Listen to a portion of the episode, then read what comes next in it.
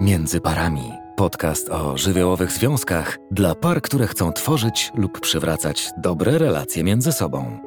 Zapraszam, Marita Woźny. Wielokrotnie skupiam się e, na takich momentach życia, jak dzieciństwo, pojawienie się dziecka w życiu pary, relacja między matką a dzieckiem. E, I to jest szczególny moment też, jeśli chodzi o rodzeństwo. Czyli musimy znowu wrócić do początków, żeby pewne aspekty móc zrozumieć.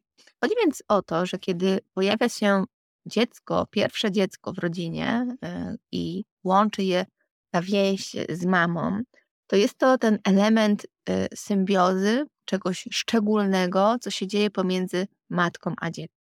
Pierwsze dziecko w rodzinie ma też coś, czego nie ma kolejne, a kolejne też mają coś, czego nie ma to pierwsze, o czym będę jeszcze Wam w tym podcaście opowiadać. Natomiast to jest taki moment, w którym e, to niemowlę, to dziecko ma poczucie pełnej miłości ze strony mamy, e, miłości na wyłączność, tylko dla niego zarezerwowane. I nawet jeśli nie posiadamy rodzeństwa, to w toku życia szybko orientujemy się, że ta miłość nie jest tylko dla nas, że jest jeszcze ktoś trzeci, na przykład ojciec, że są jeszcze e, inne obszary życia matki, które zabierają jakby jej uwagę, e, momenty, w których ona się realizuje, inne relacje, które są dla niej ważne. Natomiast e, pojawienie się kolejnego dziecka na świecie dla tego pierwszego i każdego kolejnego jest szczególnie ważne z wielu różnych względów, ale pierwszym i najistotniejszym jest to, że e, orientujemy się, zaczynamy sobie zdawać sprawę, że miłość, którą otrzymujemy, nie jest wyłącznie nasza, że tą miłością musimy, możemy dzielić się z kimś innym, że coś tracimy, że nasze tęsknoty, nadzieje nie są spełnione, że czegoś nie możemy otrzymać i że pragniemy niemożliwego. Chcemy czegoś tylko i wyłącznie dla siebie na wyłączność, co potem też y, odtwarza się w relacjach, różnych relacjach y, w dorosłym życiu, w relacjach romantycznych, ale też innych, bliskich, kiedy to y, pojawienie się trzeciej osoby, i nie mam tu na myśli zdrady, tylko sytuacji, kiedy na przykład mając przyjaciółkę, mamy jeszcze tą trzecią koleżankę, przyjaciółkę, która zaczyna być dla nas zagrożeniem. Trudno nam poczuć, że możemy też być blisko, z wieloma różnymi osobami, że one mogą być dla nas po prostu ważne. Dzieje się też tak w relacji e, partnerskiej, wtedy, kiedy e, tym trzecim elementem, na przykład, są nasze hobby, zainteresowania, praca. Oczywiście mówię o e, sytuacjach, kiedy dzieje się to w jakichś granicach, chciałabym powiedzieć rozsądku, ale myślę sobie, że w granicach, które dotyczą jakby tej pary, bo każdy z nas będzie miał inną tą pojemność.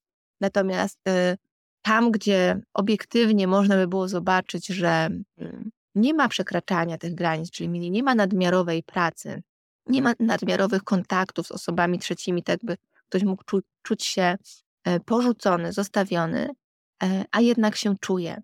E, to są wszystkie te sytuacje takich trójkątów, które będą się też odgrywały w naszym życiu, wątki rywalizacyjne, także w aspektach zawodowych, ambicjach, Mm, to są te momenty, które się pojawiają właśnie też na początku naszego życia, kiedy mm, doświadczamy bycia w rodzeństwie e, i doświadczamy tego, że nie wszystko jest dla nas. I oczywiście to jest też zależne od tego, e, od naszych cech osobowościowych, temperamentalnych, przeżywania świata, tego, co się dzieje w naszych umysłach, ale też od tego, jak to jest zaopiekowane w rodzinie, czy pewne rzeczy są wzmacniane, czy my jesteśmy wspierani e, w tym, co przeżywamy, czyli i nasza mm, strata, przeżywanie tej utraconej miłości jest pogłębiane, czyli słyszymy komentarze na przykład powinieneś kochać swojego brata, no nie możesz być dla niego taka niedobra, trzeba go zrozumieć, jesteś starsza, to ustąp, e, jesteś starszy, to powinieneś być mądrzejszy, przecież on nic złego nie chciał zrobić, znowu na niego skarżysz. To są y, te sytuacje, w których y, czujemy się odsunięci z naszymi emocjami, niezauważeni, czyli pewne rzeczy mogą się też pogłębiać w nas, pewne zranienia. A inaczej jest w sytuacjach, kiedy do dziecka kierowane są inne zdania, na przykład może ci być trudno, widzę, że teraz potrzebujesz mojej obecności. O, widzę, że coś się tutaj między wami wydarzyło, czy potrzebujecie mojej pomocy. Widzę, że jest ci przykro, teraz muszę nakarmić twoją siostrę, e, a ty bardzo chciałbyś się pobawić ze mną. Czyli wszystkie komunikaty, które jakoś odzwierciedlają to, co dzieje się prawdopodobnie w umyśle, w emocjach tego dziecka, ale samo nie potrafi tego nazwać. I takich różnych sytuacji w toku naszego życia z rodzeństwem jest bardzo, bardzo dużo. Takim y, problemem, trudnością czy też wyzwaniem y, są sytuacje z dzieleniem się y, z rodzeństwem różnymi rzeczami, zwłaszcza taki nacisk na starsze rodzeństwo, aby dzieliło się z tym młodszym. I czasem w tym jest taki podwójny komunikat, czyli czy będziesz na tyle rozsądna i mądra i grzeczna, żeby podzielić się swoją siostrą albo bratem. I w tym komunikacie cały dramat się zawiera, ponieważ y, jest tam dużo podchwytliwości, są tam dwa oblicza. I z jednej strony takie dziecko y, prawdopodobnie w sumie jest w konflikcie wewnętrznym, bo z jednej strony miałoby ochotę podzielić się, bo być może widzi, że siostra czy brat y, pragnie tej samej zabawki, podoba mu się, a z drugiej strony bardzo chce mieć coś dla siebie, z trzeciej strony jeszcze chce zadowolić mamę i, i sprawić, by była ona szczęśliwa albo uniknąć jej e, krytycznego spojrzenia. A więc to są te wszystkie sytuacje, kiedy dziecko może czuć wrogość i miłość jednocześnie. E, I trochę czasem tego brakuje, żeby ten dorosły, czyli rodzic, mógł to na przykład nazwać e, i zauważyć, czyli może widzisz, że twoja siostra bardzo chce się pobawić twoją zabawką, ale jednocześnie chciałabyś ją mieć dla siebie. E, I ten komunikat y, trochę nazywa konflikt wewnętrzny, który dzieje się w dziecku. My bardzo próbujemy zaopiekować się tym, co się dzieje u jednego i u drugiego, trochę bez wiary w to, że dzieci mogą też pewne konflikty rozwiązywać się same, a przez to też wzmacniamy niektóre z konfliktów i wzmacniamy rywalizację pomiędzy dziećmi.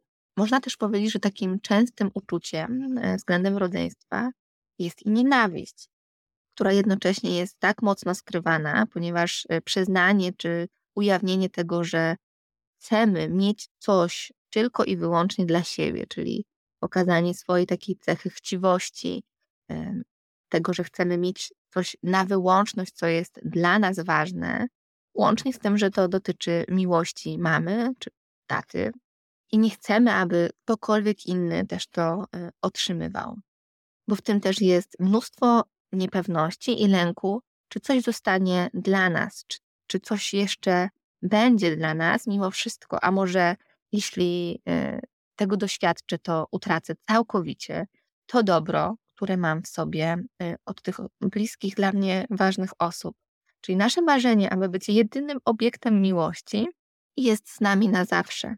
Y, jest z nami nie, na zawsze, mamy je w sobie i całe życie uczymy się żyć tym uczuciem, trochę wyzbywać się go, y, a towarzyszy nam w tym bardzo dużo złości y, i bólu, jak y, z tego zrezygnować. Czasami też dzieci ukrywają swoją niechęć do swojego rodzeństwa, traktuje je jak rywali i dzieje się to w takich pierwotnych sytuacjach, instynktach, kiedy na przykład y, niemowlę jest y, przynoszone do domu, a ktoś z rodzeństwa mówi, y, oddaj je do szpitala, jego nie chce, wyrzuć go przez okno, albo odtwarza takie zabawy, w których temu dziecku dzieje się krzywda.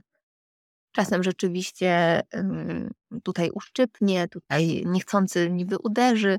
Więc rodzice bardzo niepokoją się tymi sytuacjami. Bardzo mocno uruchamia się też obrona tego słabszego dziecka, czyli e, no właśnie, nie wiem, czy słabsze jest dobrym określeniem, ale tego bardziej bezbronnego, tego, które nie, nie może się w tym momencie ochronić, czyli siłą rzeczy tego młodszego i trochę tego starszego przestaje się widzieć, czyli e, rodzic zaczyna być przerażony tym, co się dzieje z tym starszym, zaczyna widzieć te wszystkie agresywne impulsy, których y, sam się przeraża, ponieważ y, też tworzy się wizja różnych rzeczy w fantazji. Rodzice im bardziej też nakręcą się tym, im bardziej można powiedzieć zaprzeczą temu uczuciu, bo potem jest złość, to trzeba sobie też jakoś nazwać.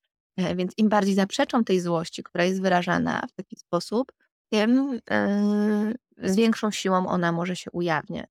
Czyli myślę, że sporo osób, które posiada rodzeństwo, ma takie historie, gdzie tutaj coś przypadkiem zrobiło swojemu bratu, siostrze i są z tego powodu jakieś anegdotki w rodzinie, ale to też można potraktować jako właśnie sytuacje, które jakoś pokazują, jakie emocje, jaki klimat był w nas. Więc oczywiście ta ochrona tego bezbronnego jest niezbędna, ale też można ją robić w różny sposób. Czyli e, ja nie muszę karcić e, tego dziecka, e, które wyraża tą złość, ale mogę je przytulić. I czasem nam się to nie mieści w głowie, że no jak to, robi coś, nie wiem, złego, nie, niewłaściwego, niepoprawnego i ja mam go przytulić, to może go za to nagrodzę. No więc jakby wejść trochę mm, bardziej w psychikę, rozumienie tego, co się dzieje w tym dziecku, czyli że ono złości się, ponieważ nie radzi sobie z dyskomfortem, który przeżywa, E, nie radzi sobie z lękiem, z utratą, które w sobie ma, e, to wtedy można zobaczyć coś innego niż tylko agresję, którą mm, ujawnia. I mogę modelować to i pokazywać, że e, w ten sposób okazywanie tych uczuć nie do końca jest właściwe, ale też y, poprzez zabranianie nie uda mi się, y, może i z jednej strony w sumie objaw zniknie, ale nie uda się też wesprzeć tego dziecka, które tego wsparcia potrzebuje nawet bardziej w tym momencie. I e, potrzeba nazywania tego, że złościsz się, e, że czujesz smutek, że, że coś tracisz, że, że może masz teraz e, mniej czasu, mniej zabawy, a tego bardzo potrzebujesz. I oprócz nazywania, oczywiście, szukania tych momentów, kiedy można to wypełnić. Zresztą to nie tylko jest moment utraty dla tego pierwszego dziecka, tylko to jest też moment utraty dla rodzica, który jest rozdarty pomiędzy dwojgiem, trojgiem dzieci i nie do końca wie, y, jak może to zrobić. Chciałby porówno traktować, a czasem po prostu się nie da porówno. E, I czy rzeczywiście chodzi o to, żeby było porówno?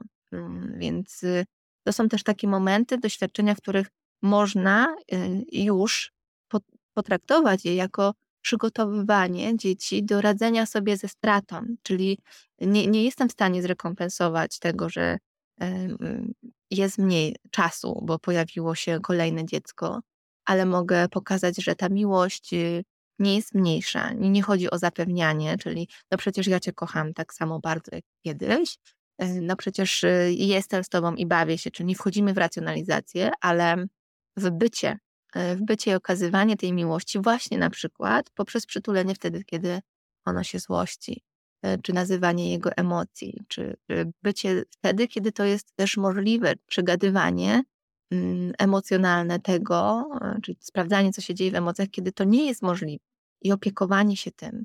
I w ten sposób możemy też dziecko uczyć i pokazywać, że o stracie można rozmawiać, że rozczarowanie nie jest czymś, co niszczy relacje, że strata e, nie jest stratą na zawsze, że w życiu różne rzeczy tracimy, ale e, dalej możemy e, być w ważnej dla nas relacji i dostawać coś dobrego.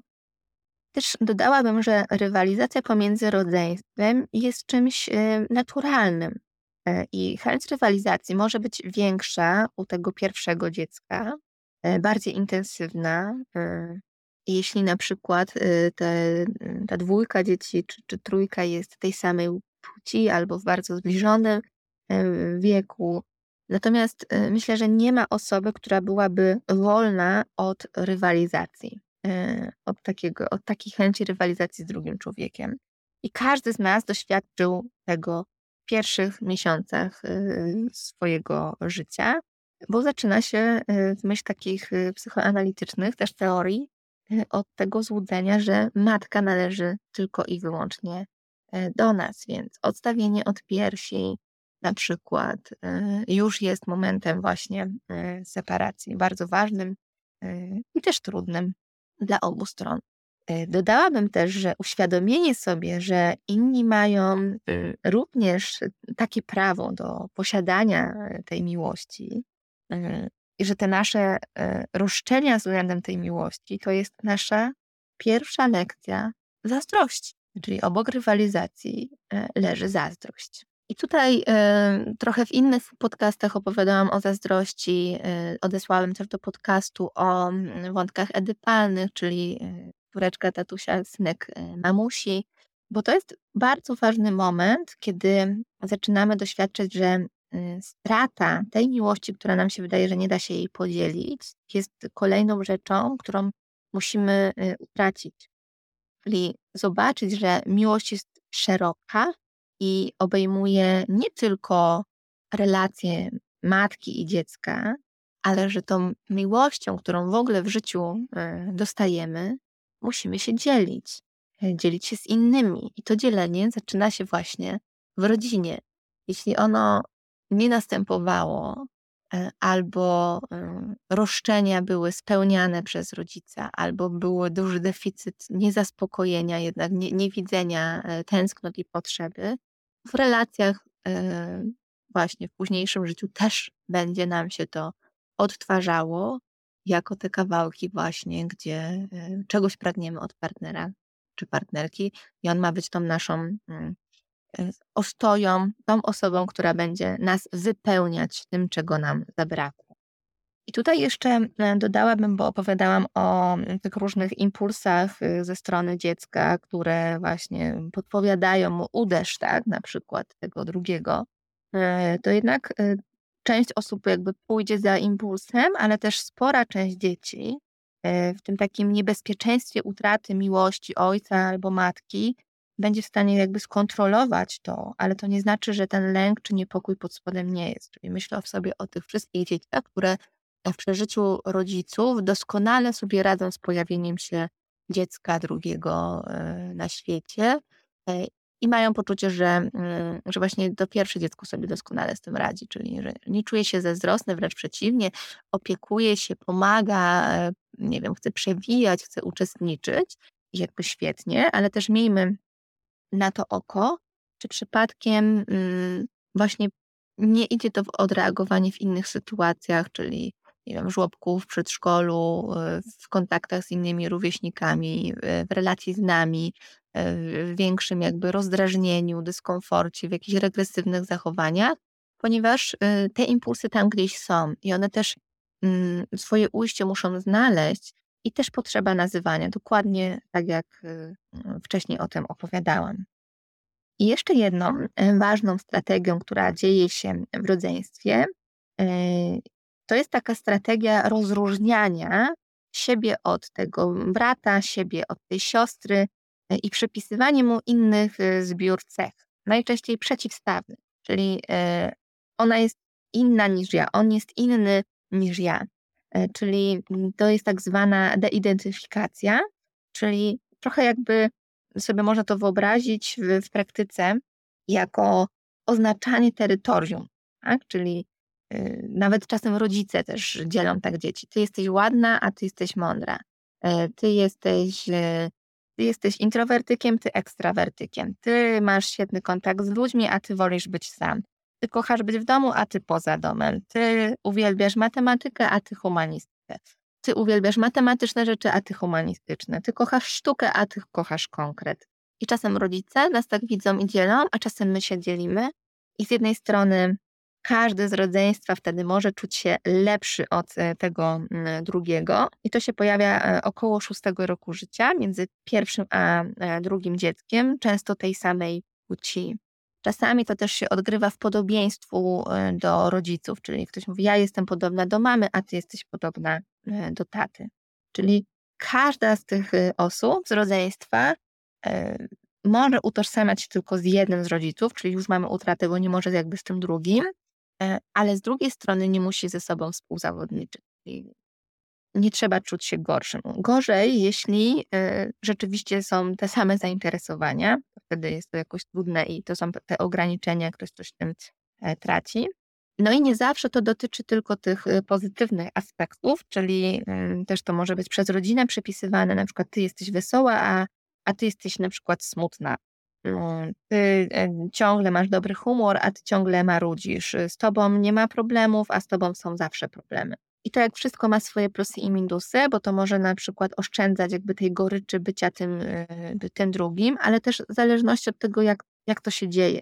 Czyli czasem to może nam pomagać, a czasem e, i przynosi jakby ulgę dużą, a czasem może też jedną z tych osób na przykład wkładać w rolę kozła ofiarnego, a drugą w rolę e, nadodpowiedzialnego dziecka, czyli też z niekorzyścią e, dla obu stron.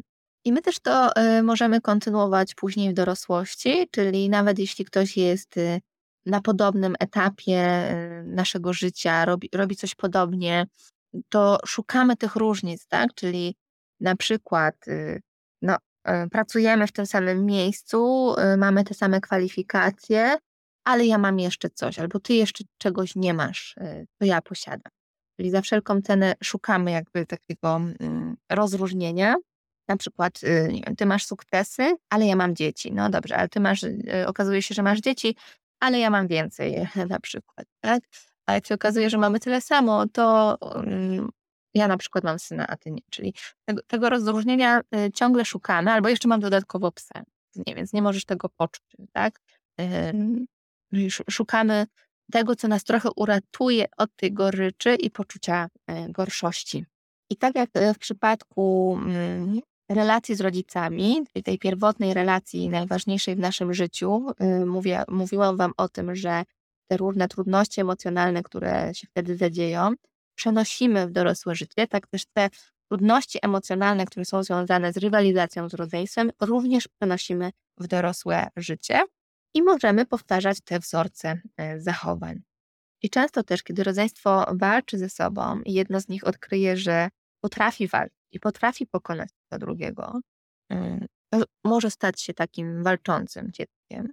Natomiast y, jeśli to właśnie to drugie odczuwa taką niemożność pokonania, czyli walka nie przynosi skutku, traci nadzieję, może doświadczać przygnębienia, y, zamartwiania się, e, poczucia e, lęku i różne problemy, nie wiem, zdrowotne w szkole, e, problemy w relacjach społecznych mogą już zaczynać się mm, właśnie w tym wczesnym dzieciństwie i trwać potem w dorosłym życiu i ich celem też może być odciągnięcie uwagi rodzica od rodzeństwa, które na przykład tych kłopotów nie ma.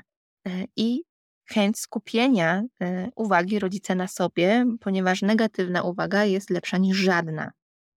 I często jak e, pojawia się właśnie temat rodzeństwa, to to, co ciekawi Was, to jest to, jaka jest różnica pomiędzy kolejnością urodzeń, a więc e, ogólnie zaraz się do tego odniosę i opowiem o tym trochę, Natomiast y, tam jest tyle zmiennych, tyle czynników, tyle osób, tyle mm, tych osobowościowych, temperamentalnych, y, rodzajów relacji, które się tworzą, że po pierwsze to są nawet trudne rzeczy gdzieś do zbadania, tych badań wcale nie ma jakoś aż tak dużo e, i, i możliwości jest też bardzo dużo.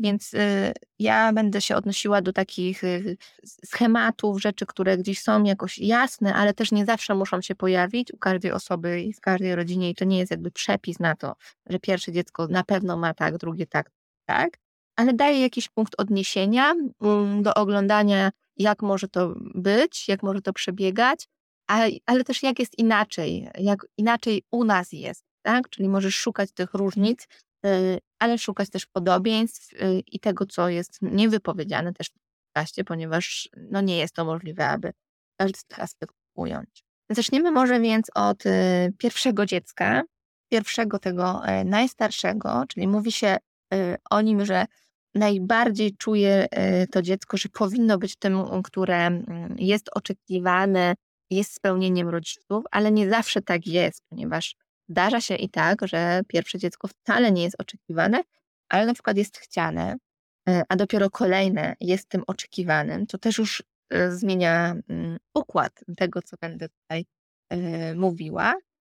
Ale też to jest dziecko, które bardzo często mm, właśnie mm, jest bliżej rodziców, w sensie identyfikuje się tym rodzicem i trochę wchodzi w taką postawę bycia rodzicem dla swojego rodzeństwa. Ma więcej takich mm, kawałków związanych z dominowaniem czy, czy, czy byciem y, przywódcą i staje się często nadodpowiedzialny.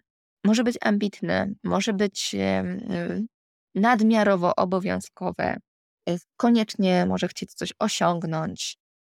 I jeśli to pierwsze dziecko w rodzinie nie ma rodzeństwa przez więcej niż około tam 7 lat, to trochę ma takie doświadczenie wychowywania się jako e, jedynak, ale też pamiętajmy, że rodziny są różne i w tych rodzinach są mm, inne dzieci, na przykład kuzynostwo, e, czyli jedna osoba, która nie ma rodzeństwa albo to rodzeństwo pojawia się po siódmym roku życia, będzie rzeczywiście przeżywała to doświadczenie jako bycie takim jedynakiem w tych w pierwszych latach życia. Natomiast y, inne dziecko może mieć tak dużo kontaktu z kuzynostwem, z rówieśnikami, y, bo żyją na przykład y, pod jednym dachem w rodzinie wielopokoleniowej, że trudno tutaj mówić o takim doświadczeniu bycia e, jedynakiem. I też e, przy pierwszym dziecku rodzice mają bardzo dużą presję na, na różne rzeczy, z większym lękiem do wielu rzeczy podchodzą. E, chcą też udowodnić, że jako rodzice dali radę, że, że się sprawdzili i czasem przez to mogą ograniczać dziecko. Mogą też bardzo dużo oczekiwań na to dziecko przekładać, czyli ma być najlepsze, najmądrzejsze, najfajniejsze, najładniejsze, to jest też taki moment dla rodziców trudnych, żeby doświadczyć rozczarowania, że dziecko właśnie jest inne niż my sobie wyobrażaliśmy, że życie z dzieckiem może być inne niż sobie wyobrażaliśmy. No i przy drugim i kolejnym y, rodzic ma już inaczej, ma też mniej oczekiwań, a przy pierwszym tych oczekiwań jest bardzo dużo i często te oczekiwania są takie idealne i sielankowe, więc razem kiedy ze zderzeniem z rzeczywistością y, no to bardzo mocno jakby to zderzenie może boleć i urealniać. No i wspomniałam o jedynakach, więc mm, też przy, o nich tutaj y, wspomnę. Czyli mówi się o tym, że jedynacy mają mm, może i najlepiej, e, ponieważ dostają wszystko i mają miłość matki, ojca i dostają wszystko po prostu, co w tej rodzinie jest. Ale e, warto też pamiętać o tym, że e, ten jedynak dostaje to, co najlepsze, ale też to, co najgorsze. Czyli z jednej strony doświadcza przez całe miesiące, może lata, takiej symbiozy, więzi z rodzicem, z matką, najczęściej, jeśli chodzi o pierwsze lata życia, szczególnej więzi. Rodzice też e, pierwszemu dziecku, przynajmniej tak co do zasady, e, ludzie zgadzają się z tym, że poświęcają, poświęca się najwięcej uwagi. Są też bardziej zaborczy, bardziej niespokojni przy pierwszym i jedynym dziecku, bardziej wymagający, E, później to wymagania w stosunku do tych młodszych dzieci staje się mniejsze.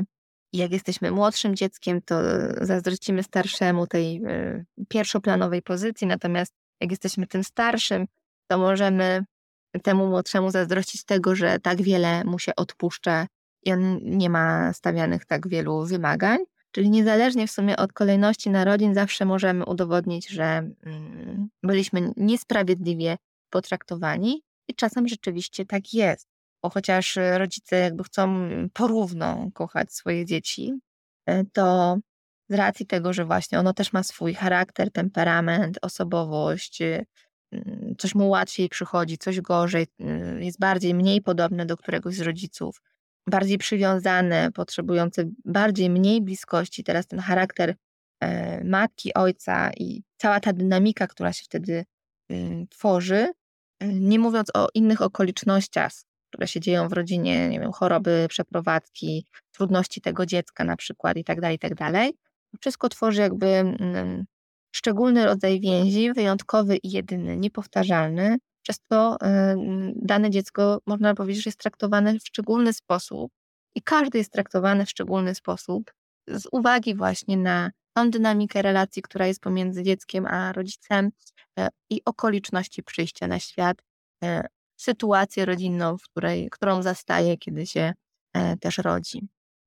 I powiedziałam też, że mm, dziecko dostaje, jedynak dostaje to, co najlepsze i to, co najgorsze jednocześnie. E, no bo z jednej strony rzeczywiście może dostawać y, więcej, ale też dostaje więcej wszystkiego, czyli nie tylko dobrych rzeczy, ale jeśli rodzic jest y, niedojrzały emocjonalnie, ma mniej poczucia, daje mniej poczucia bezpieczeństwa, to wtedy ten jedynak staje się też jedynym odbiorcą y, tych destrukcyjnych zachowań rodzica jego niedojrzałości. I też mówi się o tym, że y, jedynacy są bardziej, nie wiem, rozpuszczeni, przesadnie. Też mówi się o tym, że jedynacy są rozpuszczeni, że są y, egoistyczni. I oczywiście z jednej strony to zależy od tego, y, jaką postawę rodzice przyjęli, czy rozpuszczali, czy nadmiernie dyscyplinowali. Czynniki osobowościowe też na pewno mają wpływ, ale też te genetyczne, związane z wychowaniem, socjalizacją. I to są też dzieci, które są w świecie dorosłych tylko i wyłącznie i mogą czuć się bardzo, bardzo samotne, czyli tej samotności mają bardzo dużo. Też mogą, może być trudno im wchodzić w relacje z rówieśnikami. I, I to bycie samotnym dzieckiem może też sprawiać bardzo dużo cierpienia. To też sprawia, że kiedy więcej przebywają z dorosłymi, głównie z dorosłymi, to szybciej stają się odpowiedzialne, E, oczywiście z jednej strony mogą się, nie wiem, szybciej rozwijać, szybciej mówić, e, być bardziej e, kreatywni, ale z drugiej strony muszą też radzić sobie sami, w sensie zająć się sobą, no bo nie mają rówieśników, nie mają kompanów do zabawy. Tak jak powiedziałam, to też ma znaczenie, co się dzieje jakby poza tym światem rodzinnym, bo, bo ten kontakt może być też zapewniany przez rodziców i, i też trochę to inaczej się wtedy układa. E, podobnie jak rodzice mogą kłaść nacisk na to, żeby dziecko doświadczało, doświadczało uczenia się, życia w grupie, mm, współpracy, dzielenia, kompromisu, y, czyli zapewniają takie pole doświadczalne, e, gdzie kiedy jest rodzeństwo, to naturalnie ono jest w domu, ale tutaj rodzic na przykład dba o, o częsty kontakt z rówieśnikami i wtedy dziecko może sobie to po prostu mm, też ćwiczyć z innej strony też jedynacy mogą mieć y, przyjaciół, czyli osoby, z którymi mają więź i mają ją na całe życie. Czyli mogą e, tworzyć mniej tych e, kontaktów, ale głębsze i silniejsze. I też ten świat relacji e, może budzić lęk, mogą się bać rówieśników, ale też mogą im nie ustępować ze względu na to, że mogą na przykład ćwiczyć swoją asertywność, E, I często te asertywne postawy są interpretowane jako agresywne, egocentryczne właśnie. Taką łatkę wtedy im się trochę e, przykleja e, i widzi się ich jako tych samolubnych, co jest bardzo też czasem krzywdzące dla tych osób. No i jednacy też są mm, obciążeni opieką nad rodzicami, czyli kiedy tego rodzeństwa jest więcej, co nie jest oczywiście też powiedziane, bo rodzeństwo może nie chcieć podjąć tej opieki, ale jakby z zasady myśli się o tym, że jak rodzeństwo jest więcej, to ta pomoc y, rodzicom w różnych sytuacjach, kiedy już y, wchodzą y, w ten wiek starości, no może się rozkładać po prostu i mogą się w tym wspierać. A tutaj odgórnie jakby jednak wie, że to jest coś, co spada po prostu E, na niego. Czyli mm, te oczekiwania względem tego, co się też będzie działo z jego strony w życiu dorosłym, ciągną się bardzo długo. Nie można powiedzieć, że ciągną się do końca życia. Trochę bym opowiedziała jeszcze o środkowym i najmłodszym dziecku. I, i to środkowe to jest już takim, czyli kolejne, jakby drugie, tak? A czasem no jeszcze kolejne. To są te dzieci, gdzie mm, rodzic ma już z nimi jakiś bagaż doświadczeń, no bo już ma, ma pierwsze dziecko, e, więc ono może dostawać właśnie mniej tych oczekiwań, tak jak to pierwsze, miało ich więcej, mniej tych wymagań, e, ale też przez to może czuć się mniej ważne, mniej zauważone. Często się mówi o takich dzieciach, że one się czują e, niewidziane i ciągle mają kompleks tego, że są gorsze od tego pierwszego dziecka i mają chęć bycia kimś szczególnym, chcą być tym dzieckiem e, idealnym, ale też czują, że ta rola jakoś jest zajęta przez to najstarsze dziecko. W związku z czym, tak jak powiedziałam wcześniej, po drugie może też wybierać e, rolę tego pokrzywdzonego czy problematycznego dziecka opuszczonego, a z drugiej strony też w sytuacjach już później do, dorosłych relacji z rodzicami, kiedy na przykład są jakieś konflikty i trudności w życiu rodzinnym, to niewidzialne dziecko może stać się opiekunem rodziców, czyli w ten sposób jakby czuć, że może dostać tą miłość i akceptację, której pragnęło przez całe życie.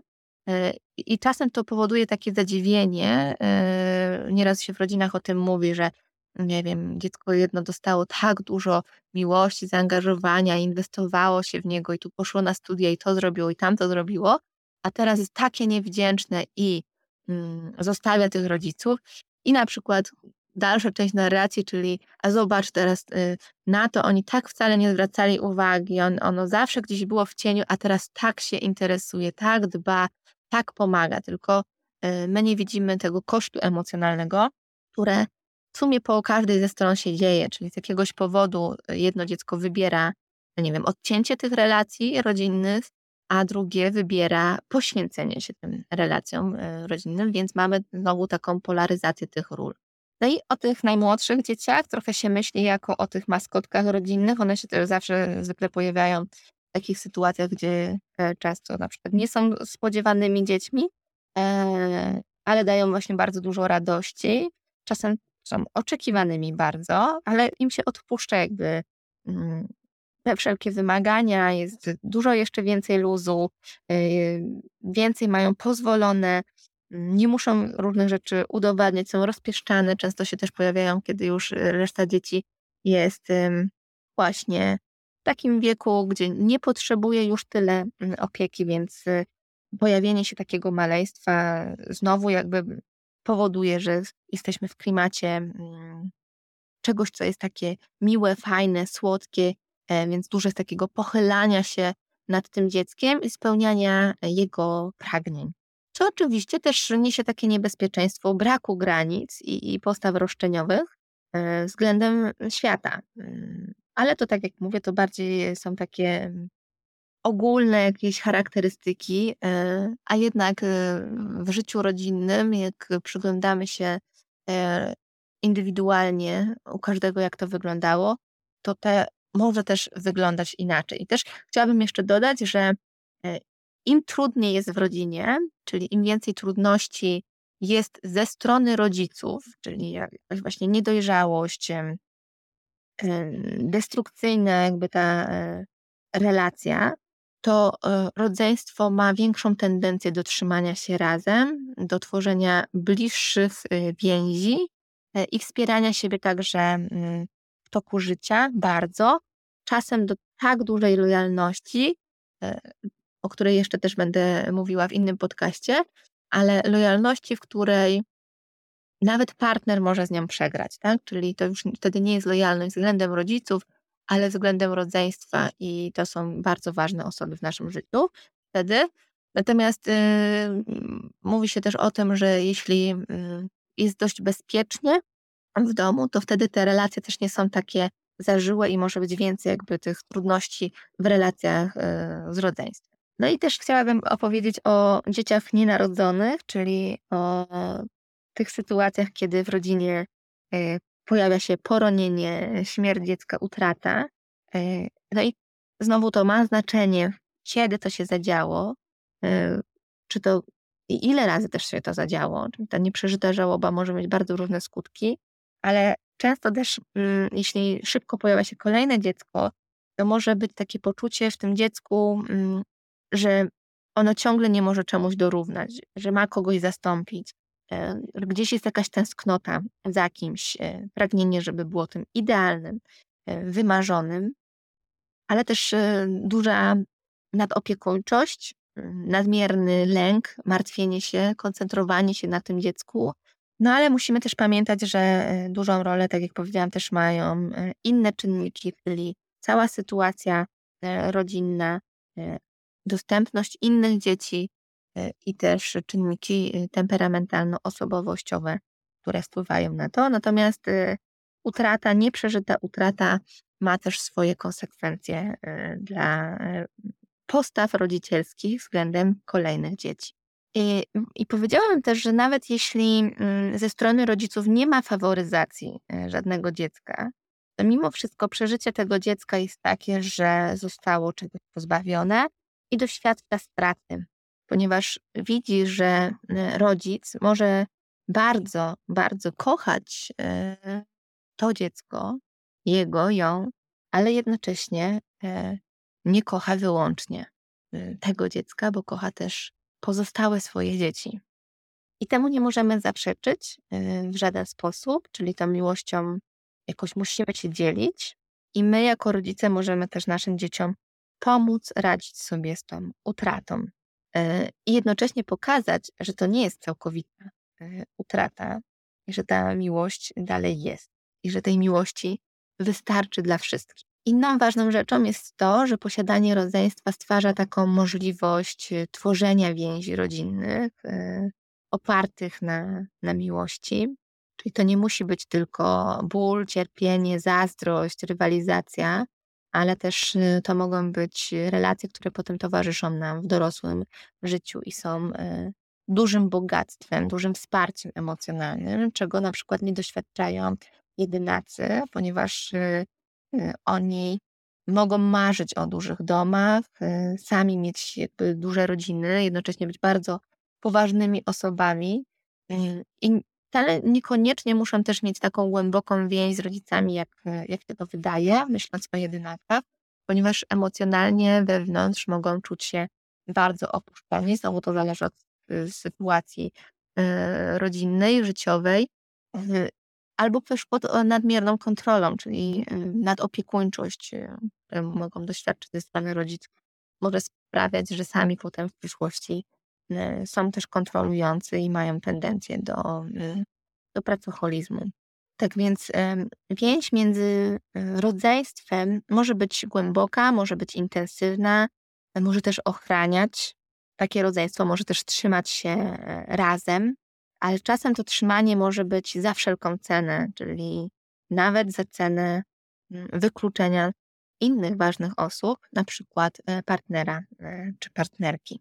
Tak więc, jak mogliście usłyszeć, tych e, czynników, które wpływają, jest bardzo dużo, konfiguracji również.